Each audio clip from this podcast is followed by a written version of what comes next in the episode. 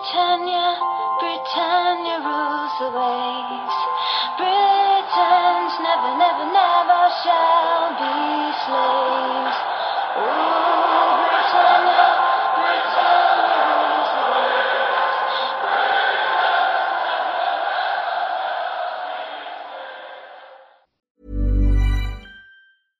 Hey, I'm Ryan Reynolds. Recently, I asked Mint Mobile's legal team if big wireless companies are allowed to raise prices due to inflation. They said yes. And then when I asked if raising prices technically violates those onerous two year contracts, they said, What the f are you talking about, you insane Hollywood ass?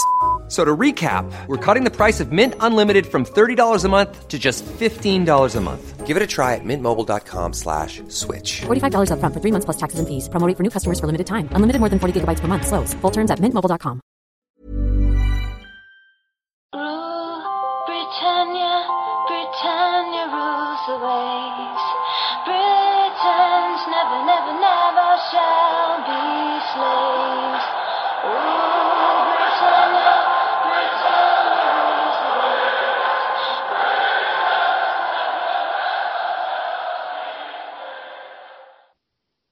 Avsnitt 9 i Svenska FPL-podden. Mitt namn är Alexander Silversten och som vanligt har jag med mig Stefan Knutsson. Hej Stefan!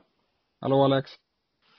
Nu har de första fyra gameweeksen avslutats och vi går in i eh, säsongens första landslagsuppehåll. Vilket innebär att vi inte har några Premier League-matcher i, till helgen.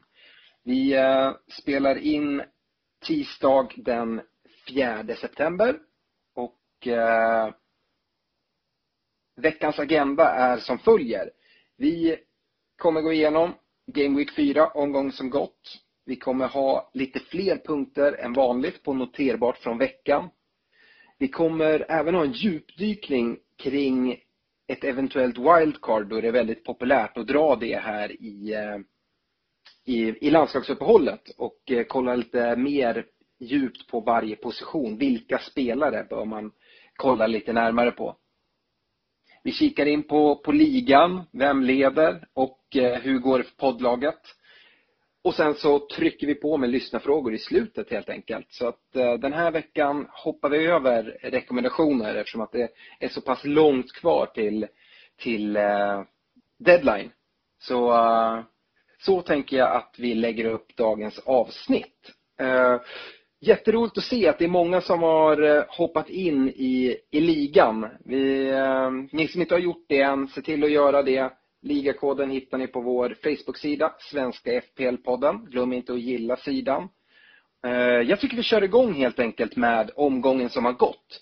Och eh, omgången drog igång med matchen mellan Leicester och Liverpool, där Liverpool går segrande med 1-2. Och eh, du får gärna berätta lite mer om matchen, Stefan. Du såg matchen nämligen. Ja, precis. Det här blev ju en, eh, en eh, riktigt tråkig match för alla som hade valt Sala framför Mané.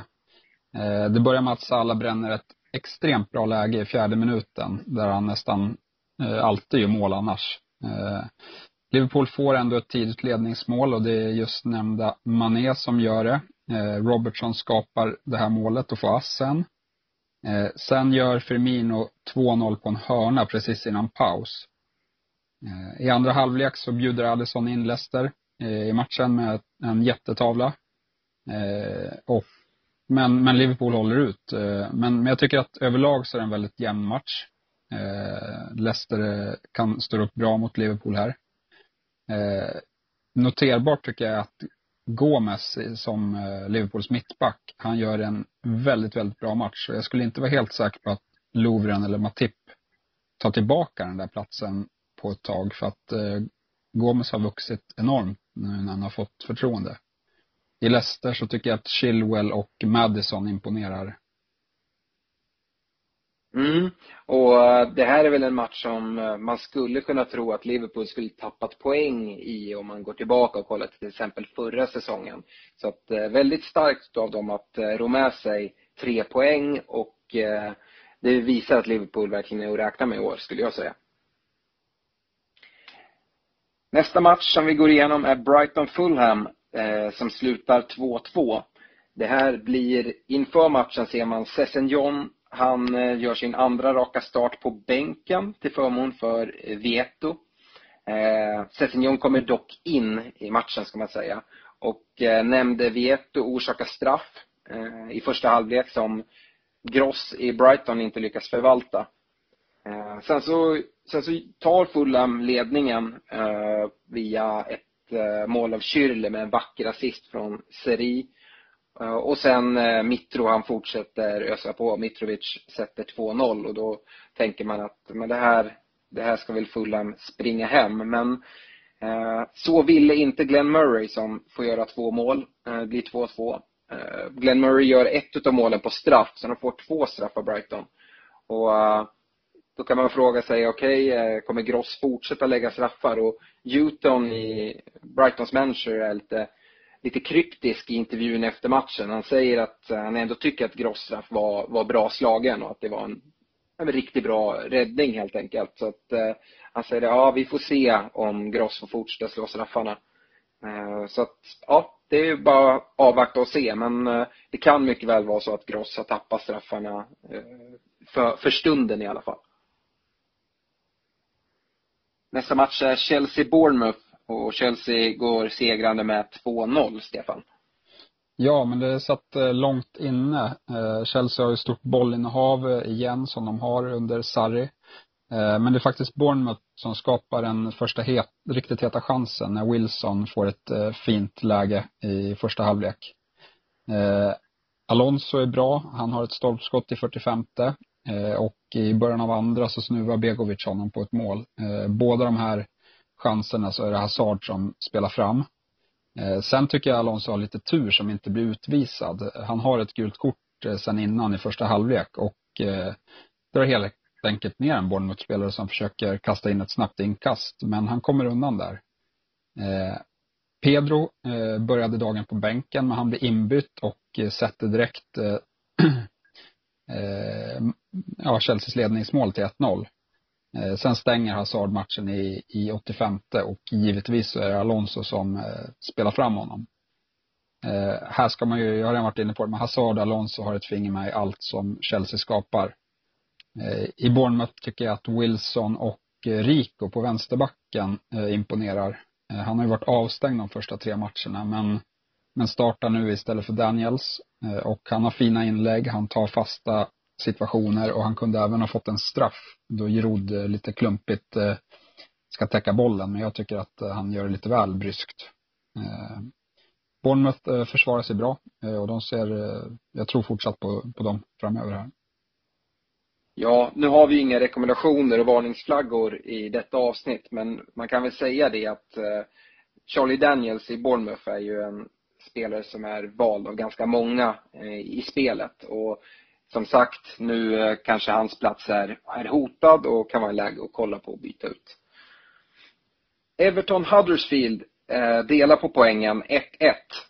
Här eh, kan man säga inför matchen när man får startuppställningarna att eh, Baines vilas på vänsterbacksplatsen och eh, eh Dign får komma in för, och starta första matchen i Everton-tröjan.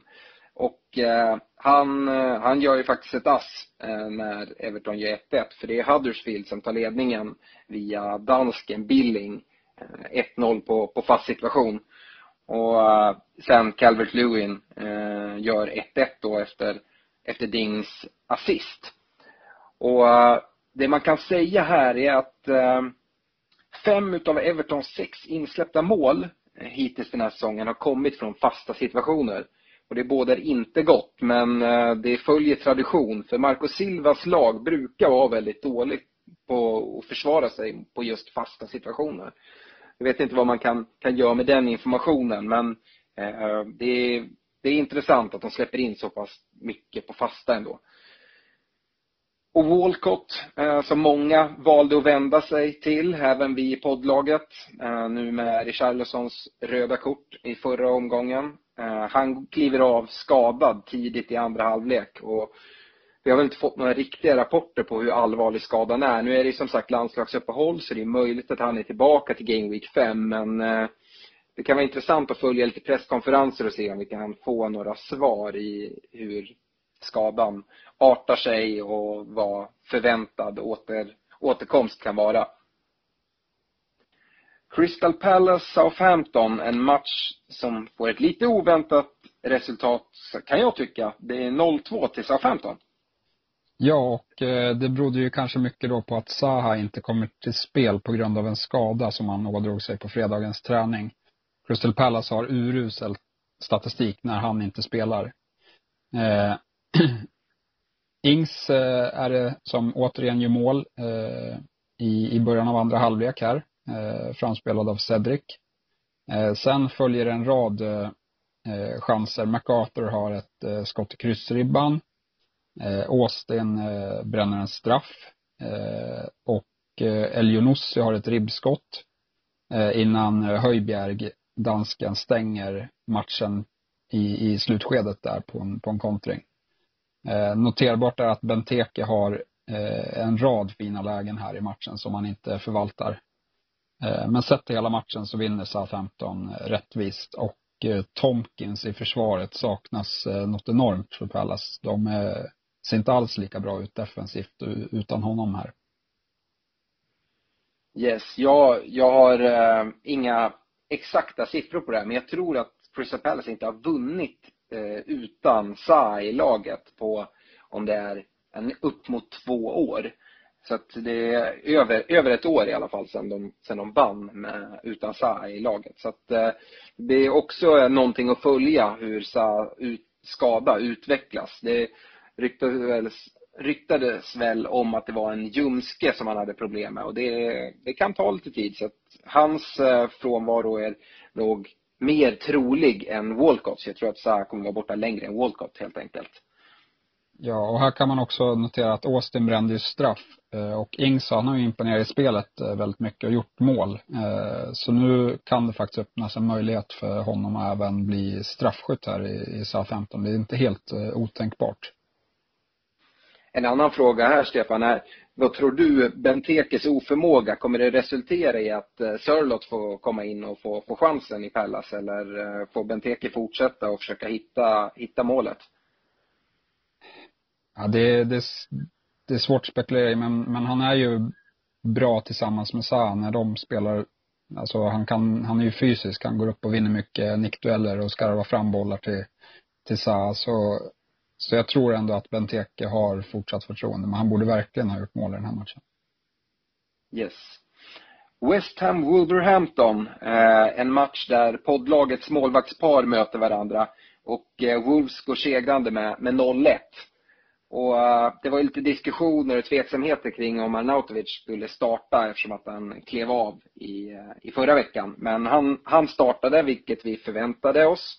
Eh, och som sagt, eh, poddlagets målvakter är, är inblandade och båda två imponerar stort i matchen. Med flera fina räddningar, både från Fabianski och Patricio. Traoré kommer in, gör matchens enda mål på stopptid och eh, det kan man väl säga att vi har varnat lite för eh, Diego Jotas speltid. Han byttes ut i halvtiden förut och nu kommer Traoré in och istället för Jota. Jota kliver ut ganska tidigt den här matchen också. Så att, eh, ja, där, där får man vara med lite grann. Och eh, West Ham fortsatt på noll poäng efter fyra matcher. Inte roligt alls för Pellegrini i West Ham. Men det känns som att deras spel ändå är på gång kan jag tycka. De har väldigt många nya spelare och det tar lite tid innan allting sätter sig. Så för West Hams skull hoppas jag att de har tålamod så kommer det här ticka igång. Eh, Arnautovic ser jättespännande ut och kommer leverera. Han kan göra mål mot vilket motstånd som helst, även om han inte gör det i den här matchen. Fabianski som sagt, det är många som har haft han i fantasy, kanske tröttnar lite nu. Och West Hams försvar imponerar ju inte, men det kanske inte är därför. Han kommer göra sina räddningar, det, det är jag relativt säker på. Annars som sagt, nykomlingen Wolves tycker jag imponerar och det finns en del budgetalternativ om man kollar rent i fantasy-synpunkt. I försvaret har ju, eh, har ju Bennett som eh, väldigt billig då eh, varit ett alternativ. Men jag skulle vilja lyfta en annan försvarare. Det är Do Doherty som eh, precis som flera utav premiumbackarna nästan spelar ytterforward. Han är väldigt långt fram, extremt offensiv och kostar bara 4,4. Det kan också vara någonting att kolla lite mot. Annars så har man ju budgetalternativ både på mittfältet och anfallet. Neves på mitten till exempel eller Jimenez på topp. Ja, där finns det ändå lite värde om man vill eh, frigöra pengar till andra positioner. Och eh, en annan intressant sak som jag har sett hos Wolves det är att under de här fyra första, Eh, första gameweeksen så har Wolverhampton inte roterat någonting utan de har haft samma startelva samtliga fyra matcher och vi får väl se om det fortsätter. Nu har det ju i början av säsongen varit ganska lugnt med matcher men när det blir lite tätare sen och eh, kupperna kommer igång vad, vad det kommer innebära om de kommer fortsätta gå runt på de här elva, elva spelarna och kanske två, tre inhoppare eller om de kommer börja rotera lite mer på startelvan. Det, det får tiden utvisa helt enkelt. Här tror jag att man kan kasta in en varningsflagg för Pellegrini. För nu kliver West Ham in i ett riktigt tufft eh, spelschema. Så vi får se om han eh, sitter kvar här om eh, en månad. Mm, absolut. Vi lämnar West Ham Wolves där och Pellegrini till sitt öde. Manchester City Newcastle stänger lördagen och det är en match som City går segrande med uddamålet 2-1. Ja, och eh, här kunde man ju också likt Liverpool tro att eh, City skulle springa hem här när Sterling gör ett eh, tidigt mål, assisterad av Mendy. Men i 30 minuten så, så gör Jedlin 1-1 på en Rondons passning som är en perfekt tunnelpass. Sen tycker jag väl att Walker gör eh, omgångens mål i början av andra. Det var hans eh, första mål på 111 matcher och eh, ja, han skjuter från 35 meter tror jag det är ett stenhård projektil rakt ner i, i ena hörnet. Inte något man ser varje dag från Walkers sida. Jag tycker Sterling är bäst i city. Eh, hotar ständigt och jobbar även bra i defensiven.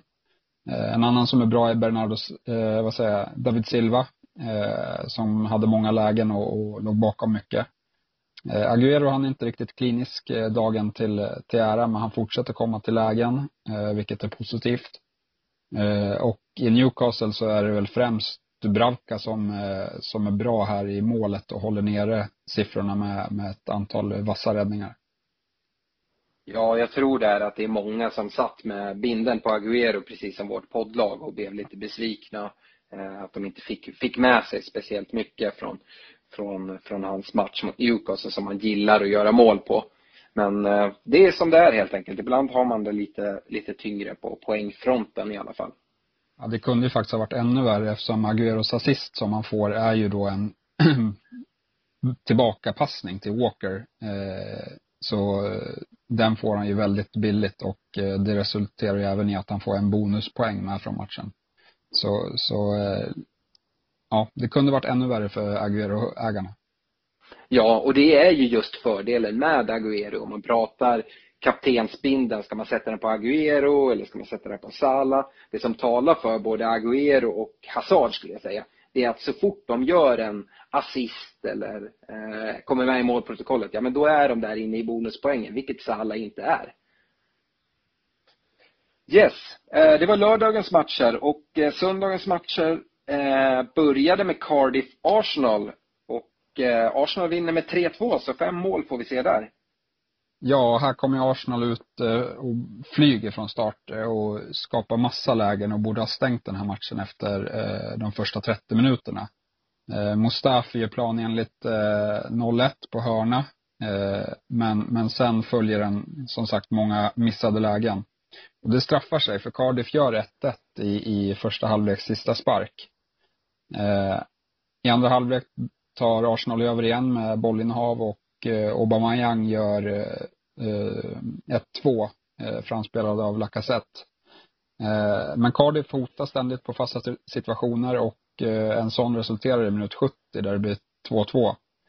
Eh, men sen så får Lacazette ett läge utifrån höger där han bara trycker upp den i första krysset eh, med ett fint mål. Eh, summa summarum tycker jag att Arsenal vinner den här matchen rättvist, men det satt långt inne och Cardiff är giftiga när de får vittring och deras back Sean Morrison, han är väldigt, väldigt farlig på fasta situationer. Framförallt då kanske mot lag som Arsenal som inte är jättebra på att försvara sig mot fasta. Eh, Lacazette eh, i Arsenal tror jag kommer få fortsatt förtroende efter eh, ett plus ett här. Eh, chans på, som forward alltså. Eh, och eh, i övrigt tycker jag att Ramsey gör eh, en till bra match här. Yes. Vi går vidare. Burnley, Manchester United och United studsar tillbaka, eh, vinner med 2-0. Ganska bekvämt skulle jag säga. Vi ser när startelvorna släpps att Lindlöf ej har hamnat i frysfacket. Uh, kan eventuellt då tacka Jones som klev av skadad mot Spurs för det. Men uh, får fortsatt sitta bänk. Och uh, det är kul för Lindelöf tycker jag. Även om vi tog ut honom i poddlaget och så. Så han gjorde en riktigt bra match, vilket är roligt att se. Trots att det är en tuff match mot Burnley som lyfter mycket långt och det är väl kanske inte i huvudspelet Viktor har sitt, sina absolut största styrkor. Burnley fortsätter släppa in mål och släppa till chanser. Lukaku gör två mål i den här matchen. Han gör båda. Men i form borde han kanske gjort fem eller kanske till och med sex mål. Han har jättemånga fina lägen. Han, eh, han bränner något, men det blir framförallt Joe Hart gör några fina räddningar och eh, sen dessutom så har han ju ett öppet mål då som han borde, borde bara rull, fått rulla in bollen men han blir helt neddragen av Ben Mio det är helt vansinnigt att han inte blir utvisad där. Och även om han klarar sig där så borde Ben Mia varit utvisad ytterligare en gång kan man säga. När han slänger sig fram och tar bollen med händerna och kastar iväg bollen. Det här kändes som ett skämt när man kollade på matchen. Nu var matchen ändå hyfsat avgjord där, men det var jättemärkligt. Ben Mi blev ju inte utvisad. Eh, det blev däremot Marcus Rashford eh, efter lite on, onödigt gurgel som Holmgren uttryckte det, kommentatorn. Eh, det kom en eftersmäll från, från Bardsley som Rashford reagerar hårt på och söker upp Bardsley och kanske lite likt Richarlisons utvisning att de går in huvud mot huvud och Rashford trycker till lite grann. Eh, det blir ett rött kort eh, på, på Rashford och vissa kanske tycker att det är hårt men FA är väldigt tydliga här och det ska, det ska helt stävjas där. Sen så, eh, Pogba missar en straff också i matchen. Eller Hart räddar den helt enkelt. Och frågan är här då, nu ser man Lukaku gör två mål, han fortsätter komma till lägen, han kanske inte gör så många mål som han borde kunna göra. Men det är inte omöjligt att Lukaku kan ta nästa straff i United om det kommer, kommer ett sånt läge. Och ja, då får man ju se. Jag har ju sagt att man ska hålla sig ifrån United-spelare och jag tror att jag tror att jag personligen kommer göra det i alla fall ett tag till. Efter matchen ger Mourinho lite extra beröm till, eh, till tre spelare och då väljer han att berömma Fellaini, eh, Nilsson Lindelöf och Småling i försvaret. Men eh, jag skulle även säga att Shaw, som jag bara går och väntar på ska göra en dålig match och sen bli bänkad, han eh, fortsätter se, se väldigt pigg ut och, och fortsatt bra. Vi lämnar United där. Jag kan prata hur länge som helst om United, men det ska jag inte göra. Vi går vidare till sista matchen, eller den som spelades samtidigt som Burnley United och det är Watford-Tottenham. Eh, en match där Watford vinner 2-1. Trippier fortsätter starta i Tottenham. Ore inte ens med på bänken. Jag vet inte om det är någon skada eller så. Jag har inte hört något. Har du hört något, Stefan? Nej, eh, det har jag inte gjort. Nej.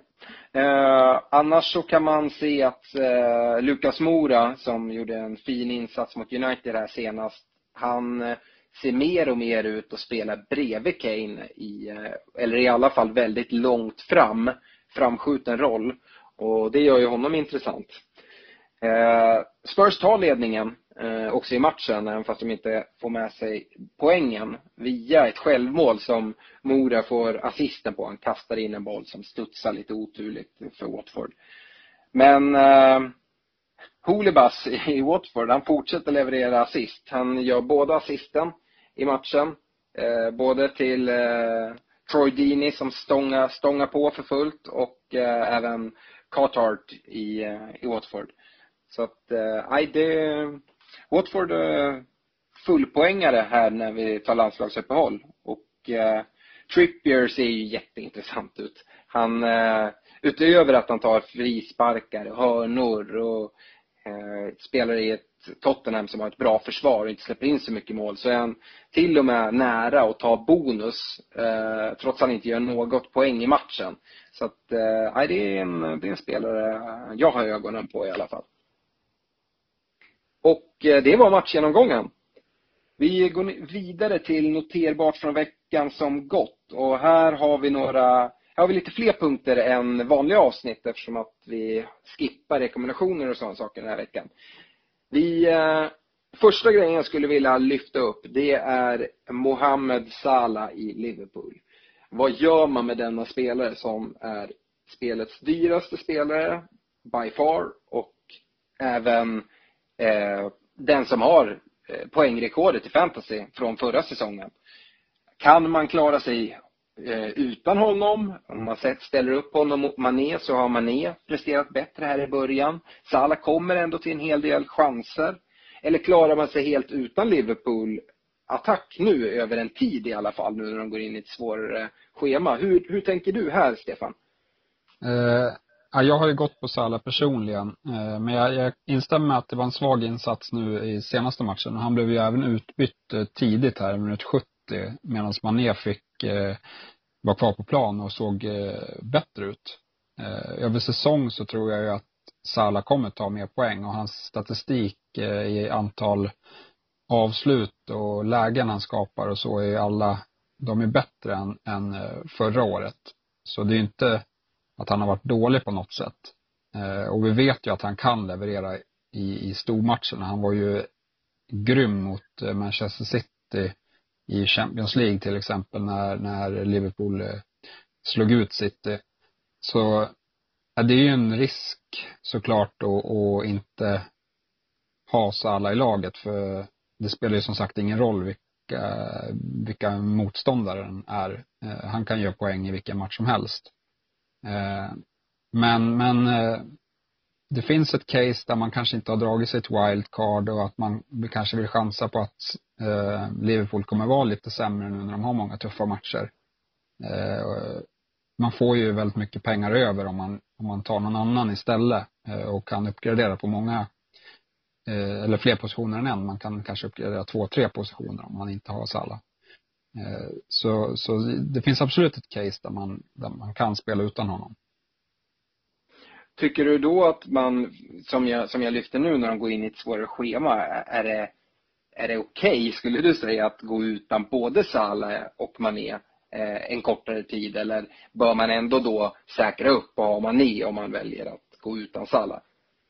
Då skulle jag ha Mané för att det blir en väldig, i och med att de som har Salah, om han har någon fin match eller, eller kanske inte har någon annan bra kapten att välja så, så liksom har man Salah så är det många som kommer sätta kapten på honom. Eh, och eh, om man inte har Mané heller eh, så, så kan det bli väldigt, väldigt eh, kostsamt om eh, Liverpool skulle köra över något motstånd. Eh, så jag skulle ha Mané om jag inte hade Salah. Mm. Och just som du nämner, vi, vi, det är exakt så vi har funderat i vårt poddlag. Vi kommer komma till poddlaget längre fram, men jag vill ändå nämna det. Som du säger att där har ju vi nu bytt ut Salah för att få in Hazard och då även kunna uppgradera Lindelöf till Alonso, vilket var väldigt, väldigt lyckat nu och jag tror att det är ett lyckat drag för stunden. Men den, det vågar ju vi göra lite med anledning av att vi har wildcardet kvar.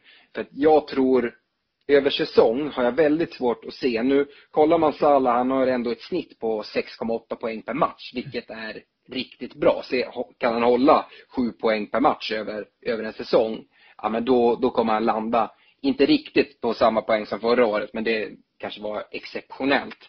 Men Mané har ju ett snitt på 9,8 och eh, håller han det, vilket jag tror finns väldigt liten chans till, eh, men då kommer han spräcka Salas, eh, Salas poängrekord. Och ja, jag ser inte riktigt det hända. Men just nu så tycker jag att det är ett case att om man har haft lite is i magen och har wildcardet kvar, ja men testa att ta ut, ut Sala. Har man ner istället om man inte behöver ta allt för mycket minus för det. För att som sagt det viktiga är att ha kvar sitt wildcard och uppgradera där på försvarare. Som du nämnde, man kan upp, upp, eh, uppgradera på, på flera positioner och kollar du på försvararna så finns det jättemycket värde, i alla fall nu här inledningsvis har det gjort det. Så att, eh, ja, men nyckeln tror jag är att ha wildcardet kvar om man, om man väljer att ta den här chansningen. Och som sagt, man får vara beredd att det kan bita en i arslet.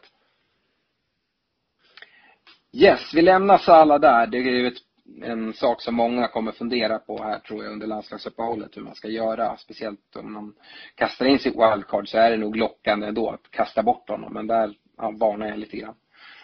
Eh, vi går vidare till Arsenal och Emerys laguttagningar, Stefan. Ja, eh, efter att ha suttit och kallsvettats eh, när man har sett eh, Arsenal spela igen på grund av att vi har då Peter Käck i kassen som inte är speciellt bekväm att spela ut bollen från eh, efter marken helt enkelt. Eh, I den här matchen så bjuder han eh, Arter på ett eh, mer eller mindre friläge genom att slå bollen rakt på honom. Eh, han har även en annan situation här där eh, eh han slår upp den rakt på mittfältet till, eh, till eh, Cardiffs press och de får komma i en väldigt farlig omställning. Så jag förstår inte riktigt eh, att Check fortfarande står i mål framför Leno.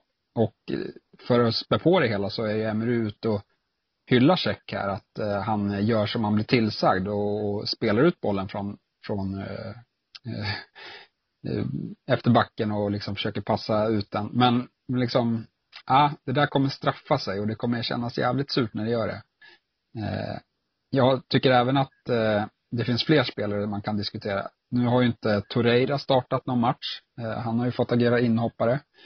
Eh, jag tyckte det var extremt tydligt när han byttes in mot Cardiff nu att eh, det, helt plötsligt blev det helt ofarligt. Cardiff kom inte in en enda farlig omställning för Torreira vann varenda boll på mitten. Eh, så han måste ju in från start känns som. Eh, det, det förstår jag inte heller. Sen har vi då eh, Özil som startade.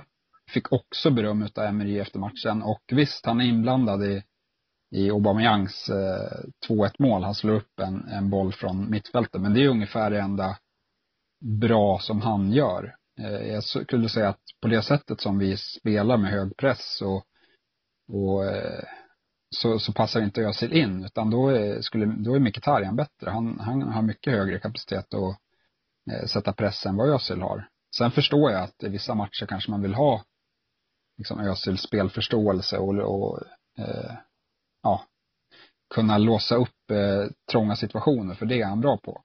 Men det känns som att han liksom, han, hans eh, totala insats är för svag. Eh, och nu fick vi se Lacazette eh, som forward. Här måste också Emery bestämma sig, tycker jag. Eh, och eh, jag tror att han kommer göra det efter den här matchen, för Lacazette är riktigt bra och och eh, Aubameyang kommer då få spela lite mer till, till vänster, men han kommer dra sig in rätt mycket. Så, så det tycker jag eh, ser lovande ut ändå. Eh, men jag hoppas som sagt att Lacazette verkligen får förtroende här. Ja, och det ser ju ut som att Lacazette och Aubameyang trivs tillsammans och spelar. Eh, frågan är sen, du säger Ramsey ser väldigt fint ut, eh, eh fin ut. Eh, Özil verkar, eh, Eh, även om jag är lite tveksam till det, att de, eh, jag tror att hyllningarna till Özil från, från Emery kommer bara för att slippa frågor kring han och Özils relation som jag inte tror är helt hundra. Men Mkhitaryan nu vilas, kommer det fortsätta? Jag tänker Torreira som du nämner där, var vem tror du är som kommer få vika där då? För Torreira måste väl in snart och Xhaka har ju inte sett fin ut och eh, han unga, unga fransmannen Guendouzi tycker jag ändå eh, han har väl blandat och gett lite grann men han ser ju bra mycket bättre ut än, än Xhaka. Är det Xhaka som får, får vika tror du? Ja, det är helt rätt att Xhaka har varit svag här i inledningen. Och eh, Guendouzi, han är lite av en, en osläppad diamant. Stor potential, men, men som sagt gör ju också en del misstag. Men, men tar väldigt mycket ansvar på plan och är en, liksom, en ledartyp skulle jag säga, trots att han är 19. Han, eh, han vill väldigt mycket och det smittar av sig. Eh, så det, det är svårt att säga om vem som får, får vika där, men, eh, men jag tror väl ändå att Guendouzi ligger rätt risigt till men, men som sagt, jag skulle gärna se honom få mer speltid också för att jag tror att han kan utvecklas till en väldigt fin spelare på Arsenals mittfält. En sista kort fråga från, från mitt håll till dig Stefan som har lite bättre koll på Arsenal. Hur, eh, där du börjar och prata Peter Käck eh, versus Leno i kassen. Har du hört några argument från, från Emery hur tankarna går? Det kändes ändå, Arsenal la en hel del pengar på Leno här i sommar och för mig så var han tilltänkt eh, första keeper. Har du hört no några resonemang varför Leno inte startar? Nej, jag vet inte om det handlar om att han ska få liksom tid att anpassa sig till Premier League eller eh, den. Jag, Emery har varit ute och sagt eh, några gånger att han ska vara tålmodig, eh, hans chans kommer. Eh, och det kanske är hela den här processen att liksom som ny tränare, eh, Check var ju dessutom kapten eh, nu i den här matchen. Så han, han, kanske, han kanske inte vill ändra allt för mycket till en början. Eh, jag vet inte, det, det är den enda förklaringen jag ser. Eh, men som sagt, eh, spelar vi, spelar check och vi möter ett eh, bra lag som sätter press, då är det livsfarligt för att det kommer bjudas på en eller två lägen på match. Svårt att anpassa sig till en ny liga om man inte får spela kan jag tycka. Men ja, vi får väl se. Han kommer ju komma in under säsong. Frågan är ju bara om liksom ska Check spela fram till jul eller kommer det liksom hända någonting här. Men eh, vi lämnar Emery och hans Arsenal med det. Och eh, fokuserar istället på, på Watfords framfart. Som sagt, de eh, ett utav tre lag tror jag va, som eh, har full pott med, med 12 pinnar efter fyra matcher. Och eh, ur fantasy-synpunkt så har de ju flera spelare som har visat sig väldigt eh, mycket värde för pengarna. Man vi ser Foster i mål till exempel, eller Holebas kanske framför allt med alla assist och fasta situationer. Pereira som gör mål från mittfältet och Troy Dini som anfallare som också kämpar på stångar och är straffskytt. Så att, eh, ja, vad, vad säger du Stefan? Nej, jag är imponerad utav Watford. Jag, ty jag, jag, jag, tycker det finns paralleller med hur svenska landslaget spelar. Eh, det är mycket raka bollar upp på forwards, eh, försöka komma till till lägen eh, liksom kvickt. Eh, skapar mycket eh, och som du var inne på, många skickliga spelare. Eh, jag tycker Ducoré och Capo eh, på innermittfältet är ju ett riktigt vasst och svårgenomträngligt mittfält. De, de imponerar stort. Eh, och sen har de faktiskt bredd för att vi har inte, jag har inte sett någonting av eh, Delofeo eh, Eh, som, som är, vi vet är väldigt bra, eh, som var väldigt bra för dem i fjol. Eh, han har inte spelat någonting. Eh, Nathaniel Chaluba eh, såg, har varit skadad en längre tid, men han är tillbaka nu. Eh, han var på bänken senast. Eh, och sen har de även Kiko Femenya eh, i, i backlinjen, han kan spela ytterforward också. Så det finns spelare i det här laget som inte ens har spelat, som också är bra. Eh, så Ja, eh, de har något eh, väldigt fint på gång. Jag tror att de kommer sluta bra i den här säsongen.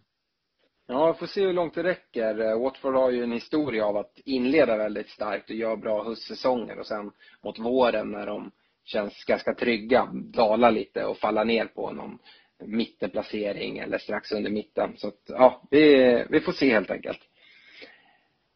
Vi har ju pratat länge om att det finns mycket värde i försvaret men eh, nu sakteliga så börjar man se premiumanfallare utöver Agüero eh, och leverera. Och här tänkte jag kolla lite med dig Stefan vilka som kan vara av intresse och jag, jag kastar upp eh, lite namn här så får du komma med någon kommentar på, på varje tänkte jag. Och vi, varför inte börja med den dyraste utav dem alla på forwardsidan, Harry Kane i Tottenham. Eh, ja, han kan absolut vara intressant, men det spekuleras hur mycket i hans, eh, hans eh, vristskada där som han, eller ankelskada han fick i slutet av förra säsongen, att han är hämmad utav det. Det stoppar ju inte honom från att gå och vinna VMs skytteliga. Men det var, om man ska vara ärlig, en hel del straffar och mål på, på hörnor som låg bakom den vinsten.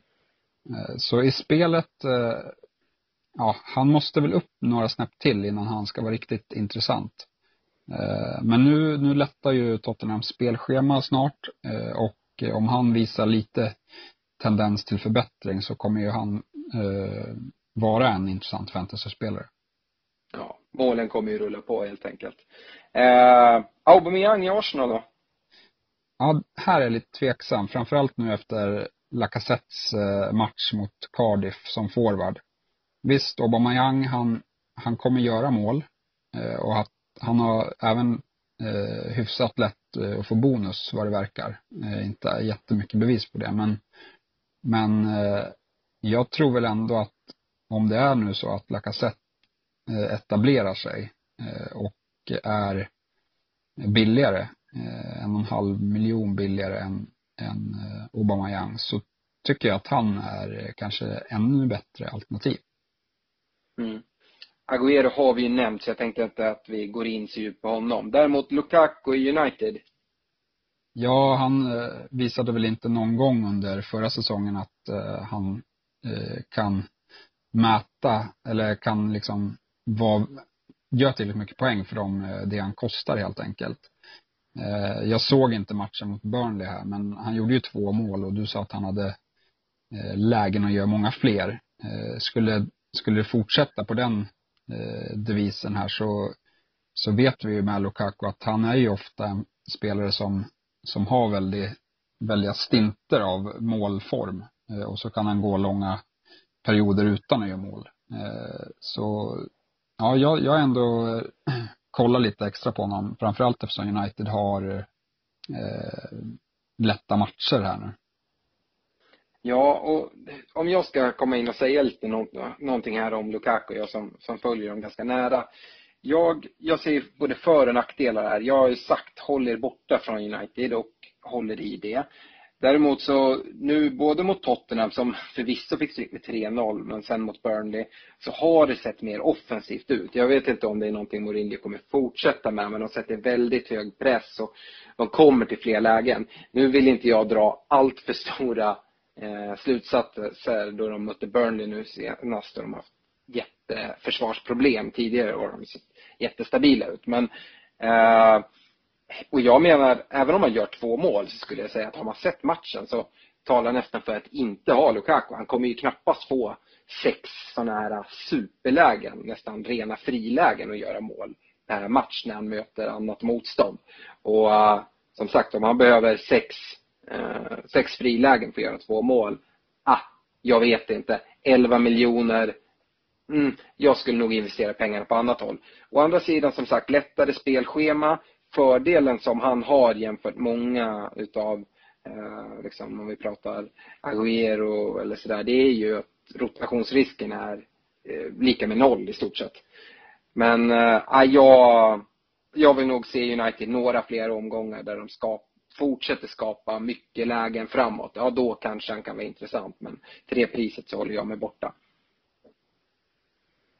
Liverpools frontman då, eh, Firmino som har blivit lite förbisedd på grund av Salah och, och Mané och Firmino kanske inte haft en eh, kanonstart på säsongen. Nu gjorde han ju mål här senast på, på fast situation till och med. Vad, vad säger du om honom, Stefan?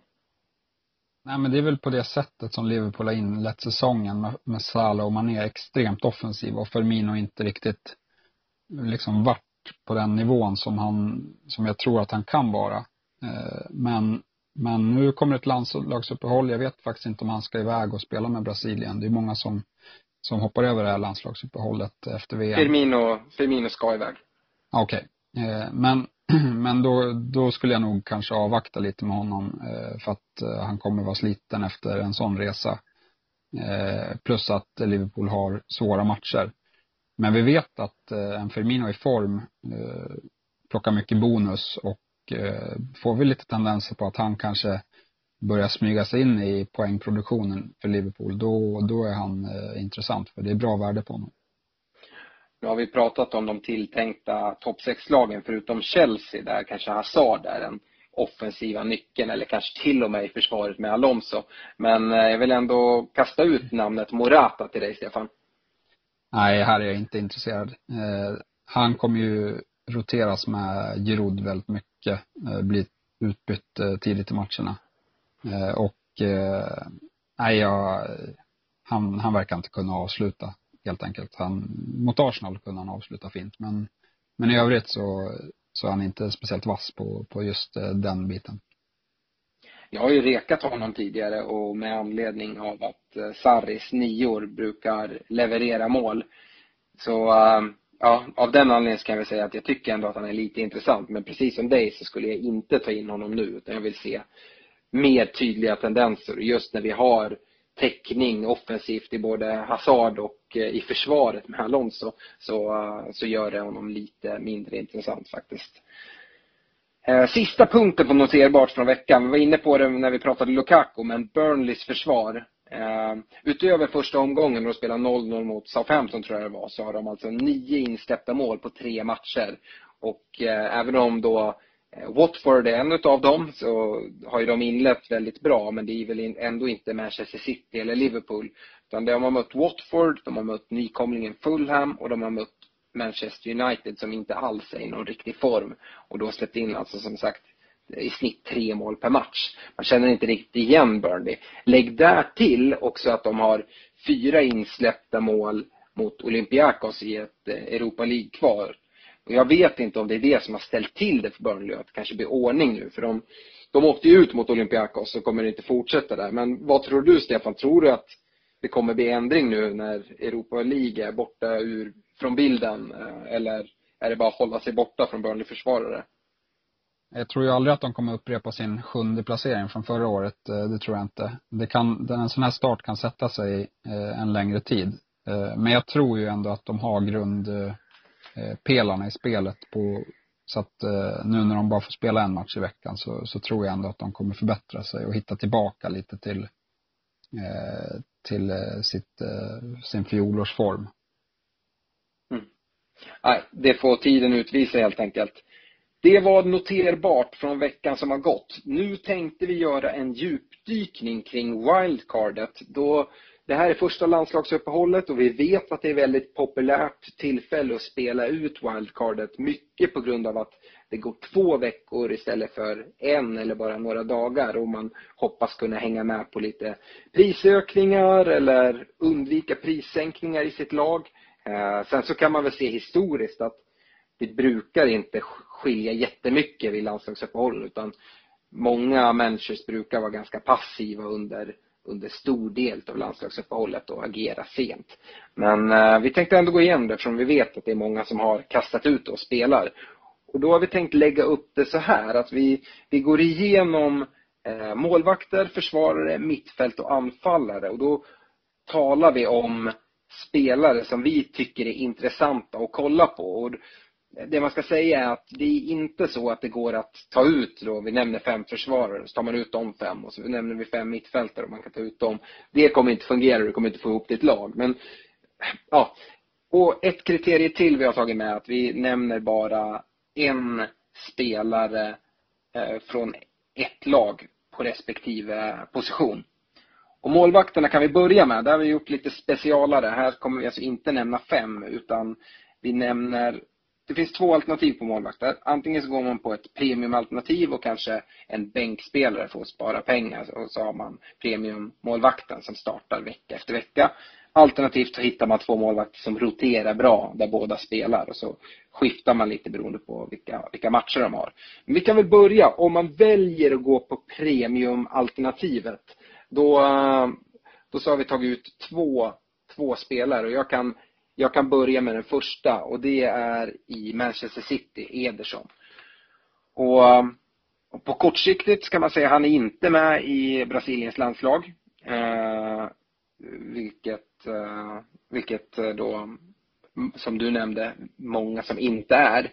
Så att eh, han kommer inte vara borta i USA nu och, och, spela matcher och komma tillbaka sent. Utan han kommer vara kvar. City kommer, nu höll de inte noll om Newcastle, de har släppt in några skitmål så här. Men jag tror att de eh, över tid kommer släppa in ganska lite mål. Däremot kommer man inte få så mycket räddningspoäng, troligtvis. Eh, men eh, normalt sett kanske man skulle säga så här, vill man låsa upp en plats från City i målvaktssidan? Och eh, ja, skulle jag säga. För att eh, eftersom det är så svårt att pepprotera en hel del, framförallt på sitt mittfält, eh, så kan det mycket väl vara så att man ska ha en, eh, man ska ha Ederson i mål, kanske Mendy i försvaret och Agüero på topp. Istället för att liksom bara kunna släppa det där mittfältet och slippa våndas. Så att, ja, Ederson, säger jag. Ja, och eh, den andra premium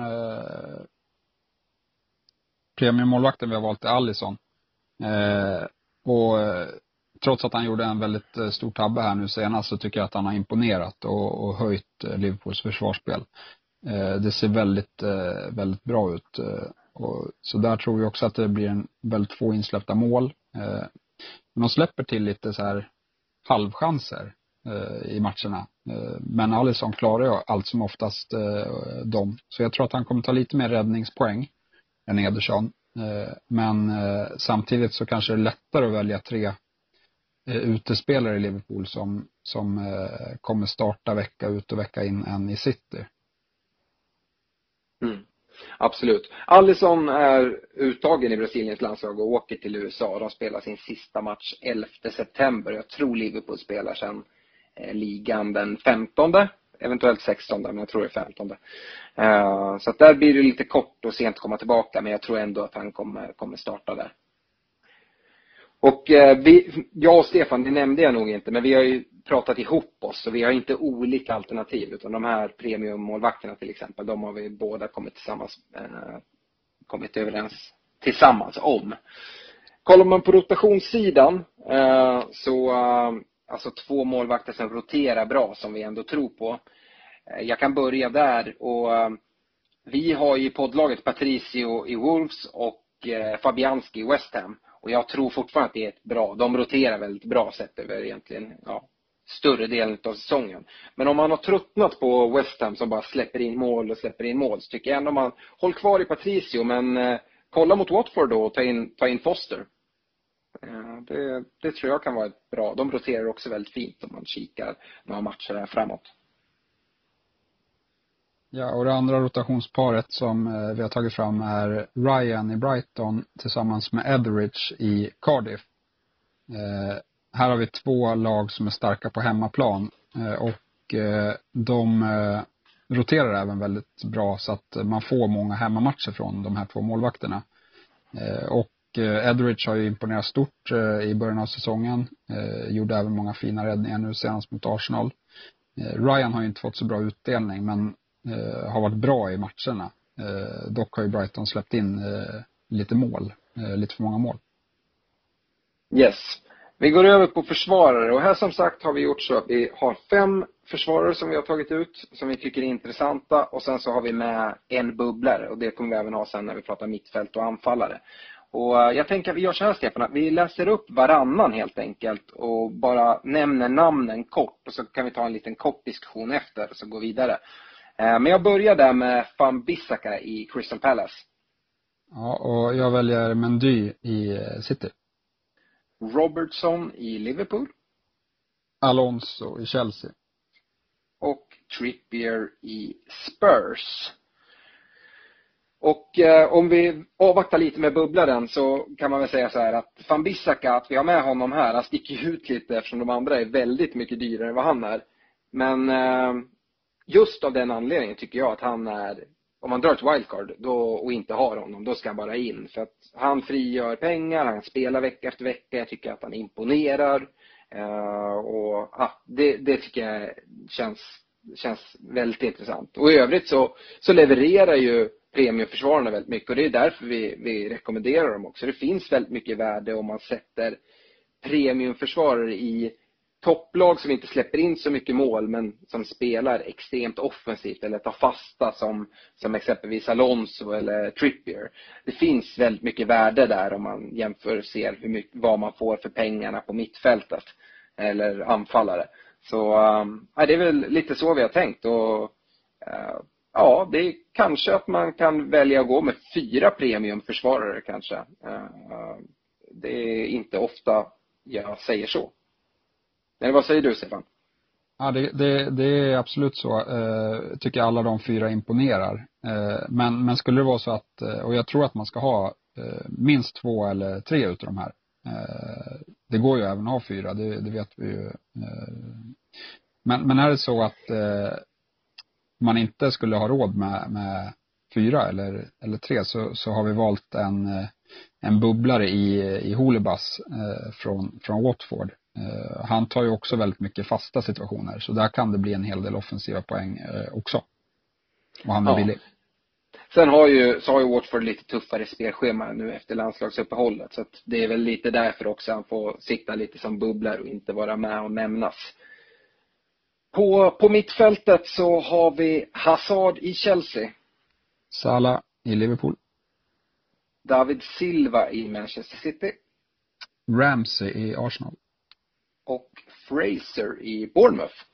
Och det är väl lite samma här som vi pratade om. Fraser är ju någon som frigör möjligheter att ha, ha spelare, eh, lite dyrare spelare på andra positioner. Samtidigt så tar han fasta situationer och har tagit en hel del poäng i början. Ramsey har du varit inne på. Han ser ut som den mest intressanta spelaren i Arsenal för tillfället. Salah har vi pratat om, eh, kontra Mané. Eh, och där på mittfältet, ja, vi har ju haft den diskussionen redan men eh, har man möjlighet att ha kvar Salah så tror jag att det är ett, det är ett bra alternativ. David Silva ser jättefin ut och likaså Hazard. Har du något att tillägga, Stefan? Eh, nej, eh, Hazard verkar ju trivas extremt bra i, i med Sarri eh, som coach. Så där förväntar jag mig mycket poäng. Yes, och just Hazards samspel med Alonso som vi, vi talade om, det ser ju mumma ut för, för poddlaget som har båda två. Eh, bubblaren i, på mittfältet har vi tagit Lukas Mora som vi nämnde har kommit ett steg högre upp i banan och kanske nästan spelar som forward jämte Harry Kane. Det som gör att vi tar honom som bubblare är ändå att som nu, som, det skulle vi kunna ha med på noterbart men eh, Sydkorea vann ju faktiskt de här Asian Games vilket borde innebära att han slipper göra värnplikt. Jag såg firandet efter slutsignalen i finalen mot Japan tror jag det var. Han grät och föll till backen. Och jag tror att det betydde extremt mycket för honom kopplat till att slippa göra värn, värnplikt och förstöra sin karriär. Och bara lägga, lägga skorna på hylla tidigt. Däremot ska man ju veta att det är landslagsuppehåll nu som Son kommer vara iväg på och kommer tillbaka sent. Eh, så att jag tror inte att han spelar Game Week 5 och Mora är inte med i Brasiliens trupp. Så att, eh, ja, Game Week 5 tror jag man är trygg med Mora. Men sen tror jag att Son kommer stjäla lite speltid. Ja, vi vet ju inte riktigt hur Pochettino tänker där. Eh, även om Mora har imponerat väldigt mycket så, så var ju Son väldigt, väldigt bra i, i fjol. Så ja, det är lite rotationsrisk skulle jag ändå säga. Yes. Anfallarna som vi har tagit ut. Jag börjar med Sergio Aguero i Manchester City. Jag har Mitrovic i Fulham. Wilson i Bournemouth. Arnautovic, West Ham. Och Jamie Vardy i Leicester som kommer tillbaka från eh, avstängning nu och Leicester har ändå sett fina ut tycker jag och har ett helt okej spelschema. Eh, vi vet vad Vardy kan. Eh, han är på straffar. Ja, kanske kan vara, kan vara någonting. Uh, Arnautovic, som sagt, jag, även om West Ham har eh, sett lite sådär ut, så han kan ju må mot vilket motstånd som helst och uh, jämfört med, nu är ju Sa skadad, men jag skulle ändå säga att valet bör falla på, på Arnautovic, i alla fall på lite längre sikt när West Hams eh, schema lättar upp lite. Nu ser ju Crystal Palace schema ganska fördelaktigt ut och West Hams tufft, men Eh, på sikt så tror jag Arnautovic är eh, rätt väg att vandra. Agüero, vi pratar inte så mycket om honom. Det vi kan säga är att han inte heller är med i landslaget för sitt Argentina, så han åker inte iväg. Eh, annars skulle det kunna finnas rotationsrisk. Det gör ju heller inte hans konkurrent eller lagkamrat Jesus. Han är inte med i Brasiliens landslag till den här samlingen. Så att båda är hemma.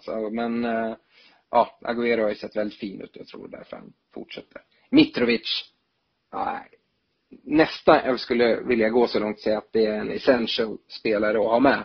Han, eh, till sitt pris och hur han levererar i Fulham så är han jätteintressant.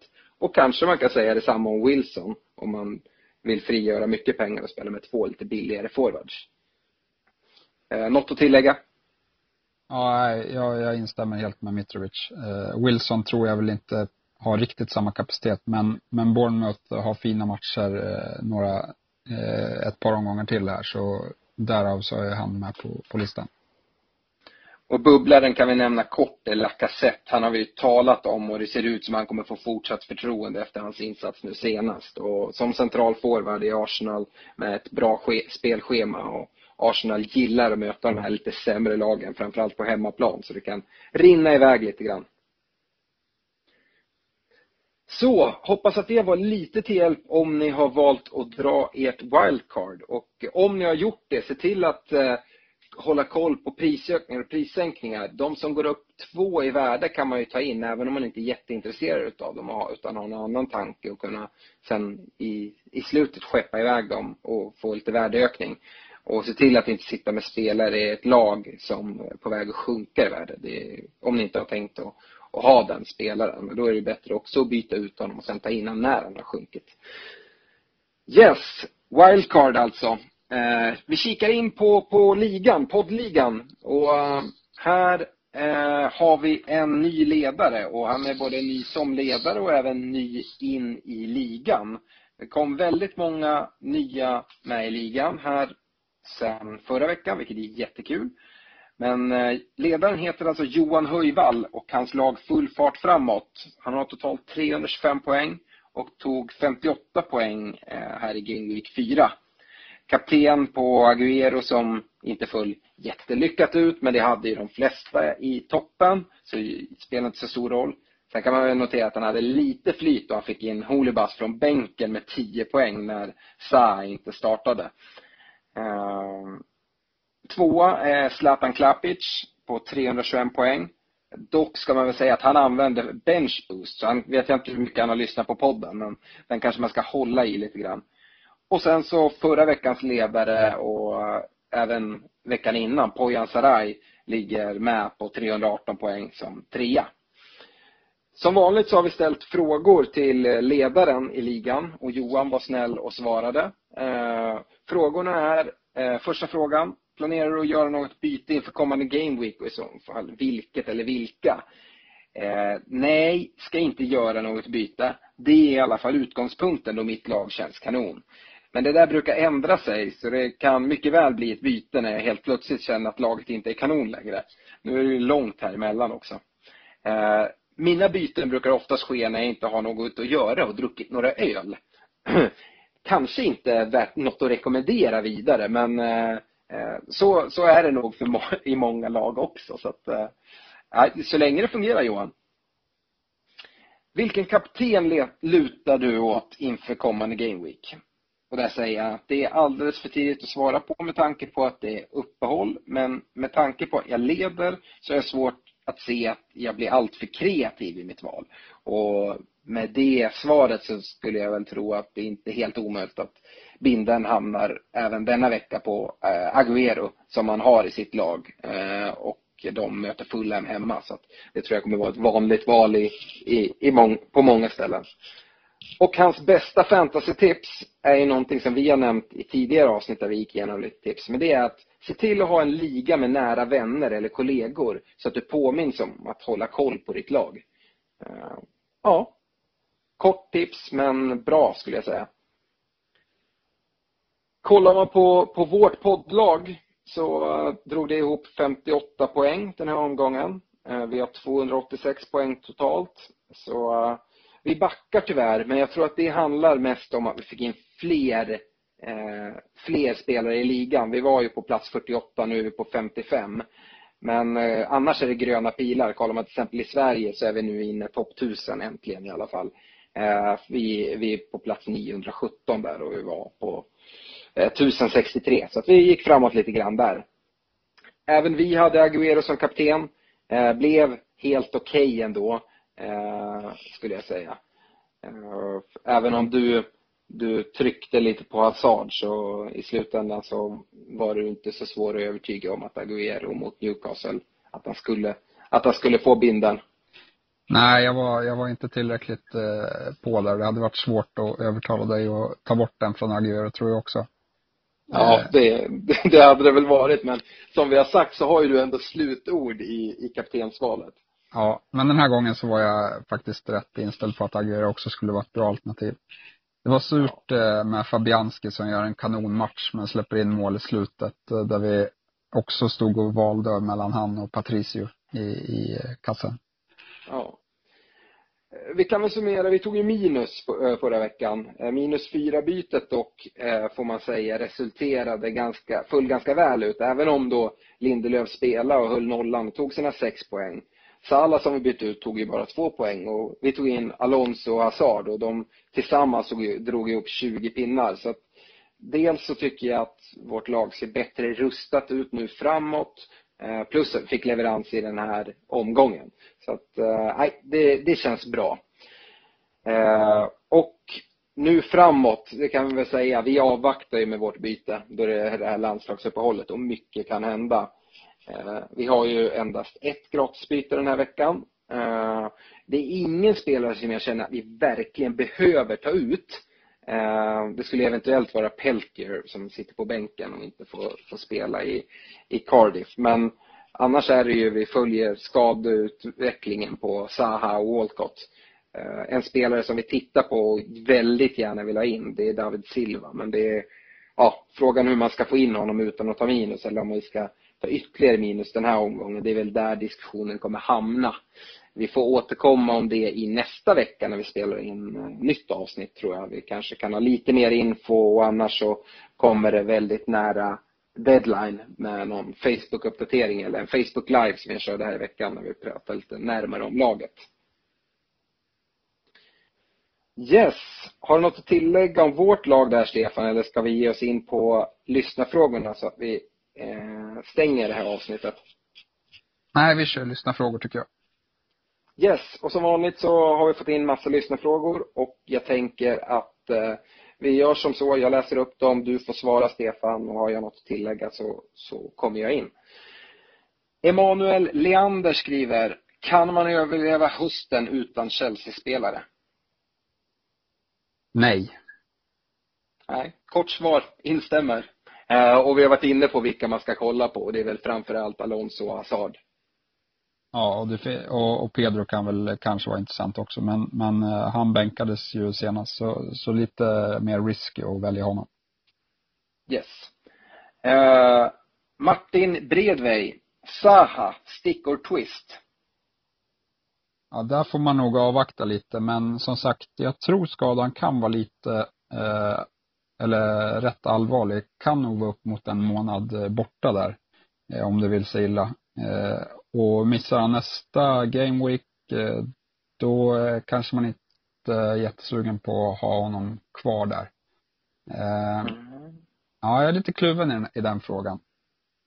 Men, men som ja. sagt, jag skulle avvakta tills man har fått bättre nyheter från, från Crystal Palace sida. Ja. Har man dragit wildcardet så tycker jag ta ut Zaha för att eh, på grund av att han skadas kommer han säkert bytas ut och sjunka i pris. Så kan man se närmare deadlinesen. Men eh, annars skulle jag nog säga det också, avvakta eh, och se vad som händer även om man kanske sjunker lite i pris. Yes. Eh, Fredrik Wahlgren skriver tankar kring att köpa in Häng min son. Ja, det känns lite för tidigt. Eh, mycket på tanke, med tanke på hur bra Lukas Mora har varit också så är det inte alls säkert att eh, Son kommer få, få starta. Han kommer nog få agera inhoppare ett tag. Ja, nej, instämmer. Mattias Jernström, Spurs, mycket Spurs här känner jag. Eh, Spurs schema efter Game Week 5 ser trevligt ut. Dags för Kane? Frågetecken. Ja, det kan mycket väl vara läge för Kane. Eh, Samtidigt så finns det andra spännande Spurs-spelare i, i Trippier och eh, Alli som har sett eh, fin ut och även eh, Mora då. Eh, men, men Kane kommer ju göra poäng i de lätta matcherna, tror jag. Yes. Jonathan Ledin. En dyr anfallare och två billiga eller två runt nio och en halv och en billig? Hittills har det vinnande konceptet varit en dyr och två billiga. För att det har funnits väldigt många billiga som har levererat här i början. Eh, och eh, ja, man får väl hålla koll på formen på de billiga forwardsarna. Men jag skulle fortsätta med en dyr och två billiga.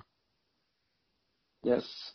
Martin Tegnevik. Walcott och Saha, ska man byta ut dem av, av, eh, med tanke på skadorna eller ska man avvakta? Vi har varit inne på det lite grann där eh, kan jag känna att eh, har man, har man dragit wildcardet så ut med dem fort innan de sjunker i värde. Jag tror redan de kanske har börjat göra det. Men eh, annars så skulle jag avvakta i alla fall. Ja, Walcott tror jag inte kommer vara borta heller. Nej. Andreas Wahlgren får bli den sista frågan vi tar upp. Om man inte har dragit wildcard denna vecka, ska man vänta med byten eller göra dem tidigt? Ser du ett tema i frågorna som kommer in? Ja, eh, man ska ju vänta. Eh, nu kanske det här landslagsuppehållet eh, är eh, lite speciellt då det är många som faktiskt inte är med sina landslag. Eh, men eh, jag skulle ändå vänta med bytena. Skador kan ju ändå inträffa på träningsplan. Så att, eh, ja, även fast det är större chans om man är iväg och dessutom med rotation kan komma framförallt för ja, men, spelare från Brasilien. Brasilien är i USA nu Eh, i eh, och har två matcher. De möter USA och sen de möter El Salvador eller något liknande, tror jag. Och uh, William som du nämnde, han startar ju här senast. Han är med i Brasiliens trupp. Så det gör att om man kollar kortsiktigt så tror jag i alla fall att Pedro kommer starta i Game Week 5 och William får nog nöja sig med bänken då han kommer tillbaka sent. Det är uh, en sak jag i alla fall tar med mig. Eh, ja, det var ju de frågor som kom in. Vi tackar för, för dem och eh, vi, ska, vi hinner inte med fler tyvärr. Men skriv in så ska vi försöka hinna med eh, era frågor nästa vecka eller så. Det kommer ju ett avsnitt nästa vecka också. Eh, och då kommer vi mer gå in på rekommendationer. Vi kommer kanske ha lite, lite svar från hur landslag, landslagsform ser ut på vissa spelare och liknande.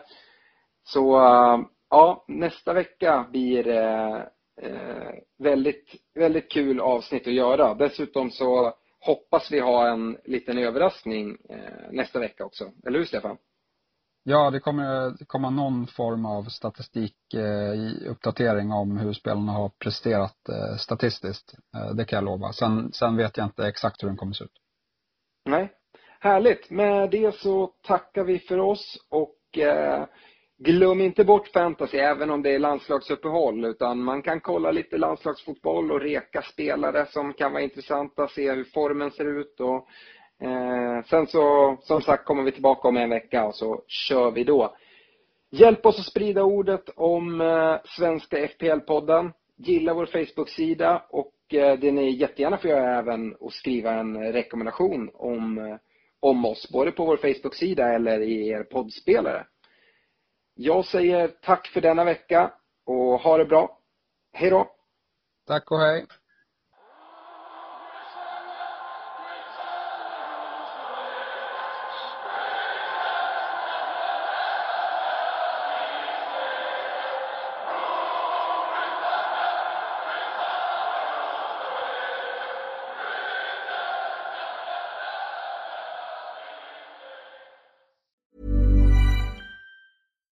We're on a budget, we still deserve nice things. Quince is a place to scoop up stunning high-end goods for 50 to 80% less than similar brands. They have buttery soft cashmere sweaters starting at $50, luxurious Italian leather bags, and so much more. Plus, Quince only works with factories that use safe, ethical, and responsible manufacturing. Get the high-end goods you'll love without the high price tag with Quince. Go to quince.com/style for free shipping and 365-day returns.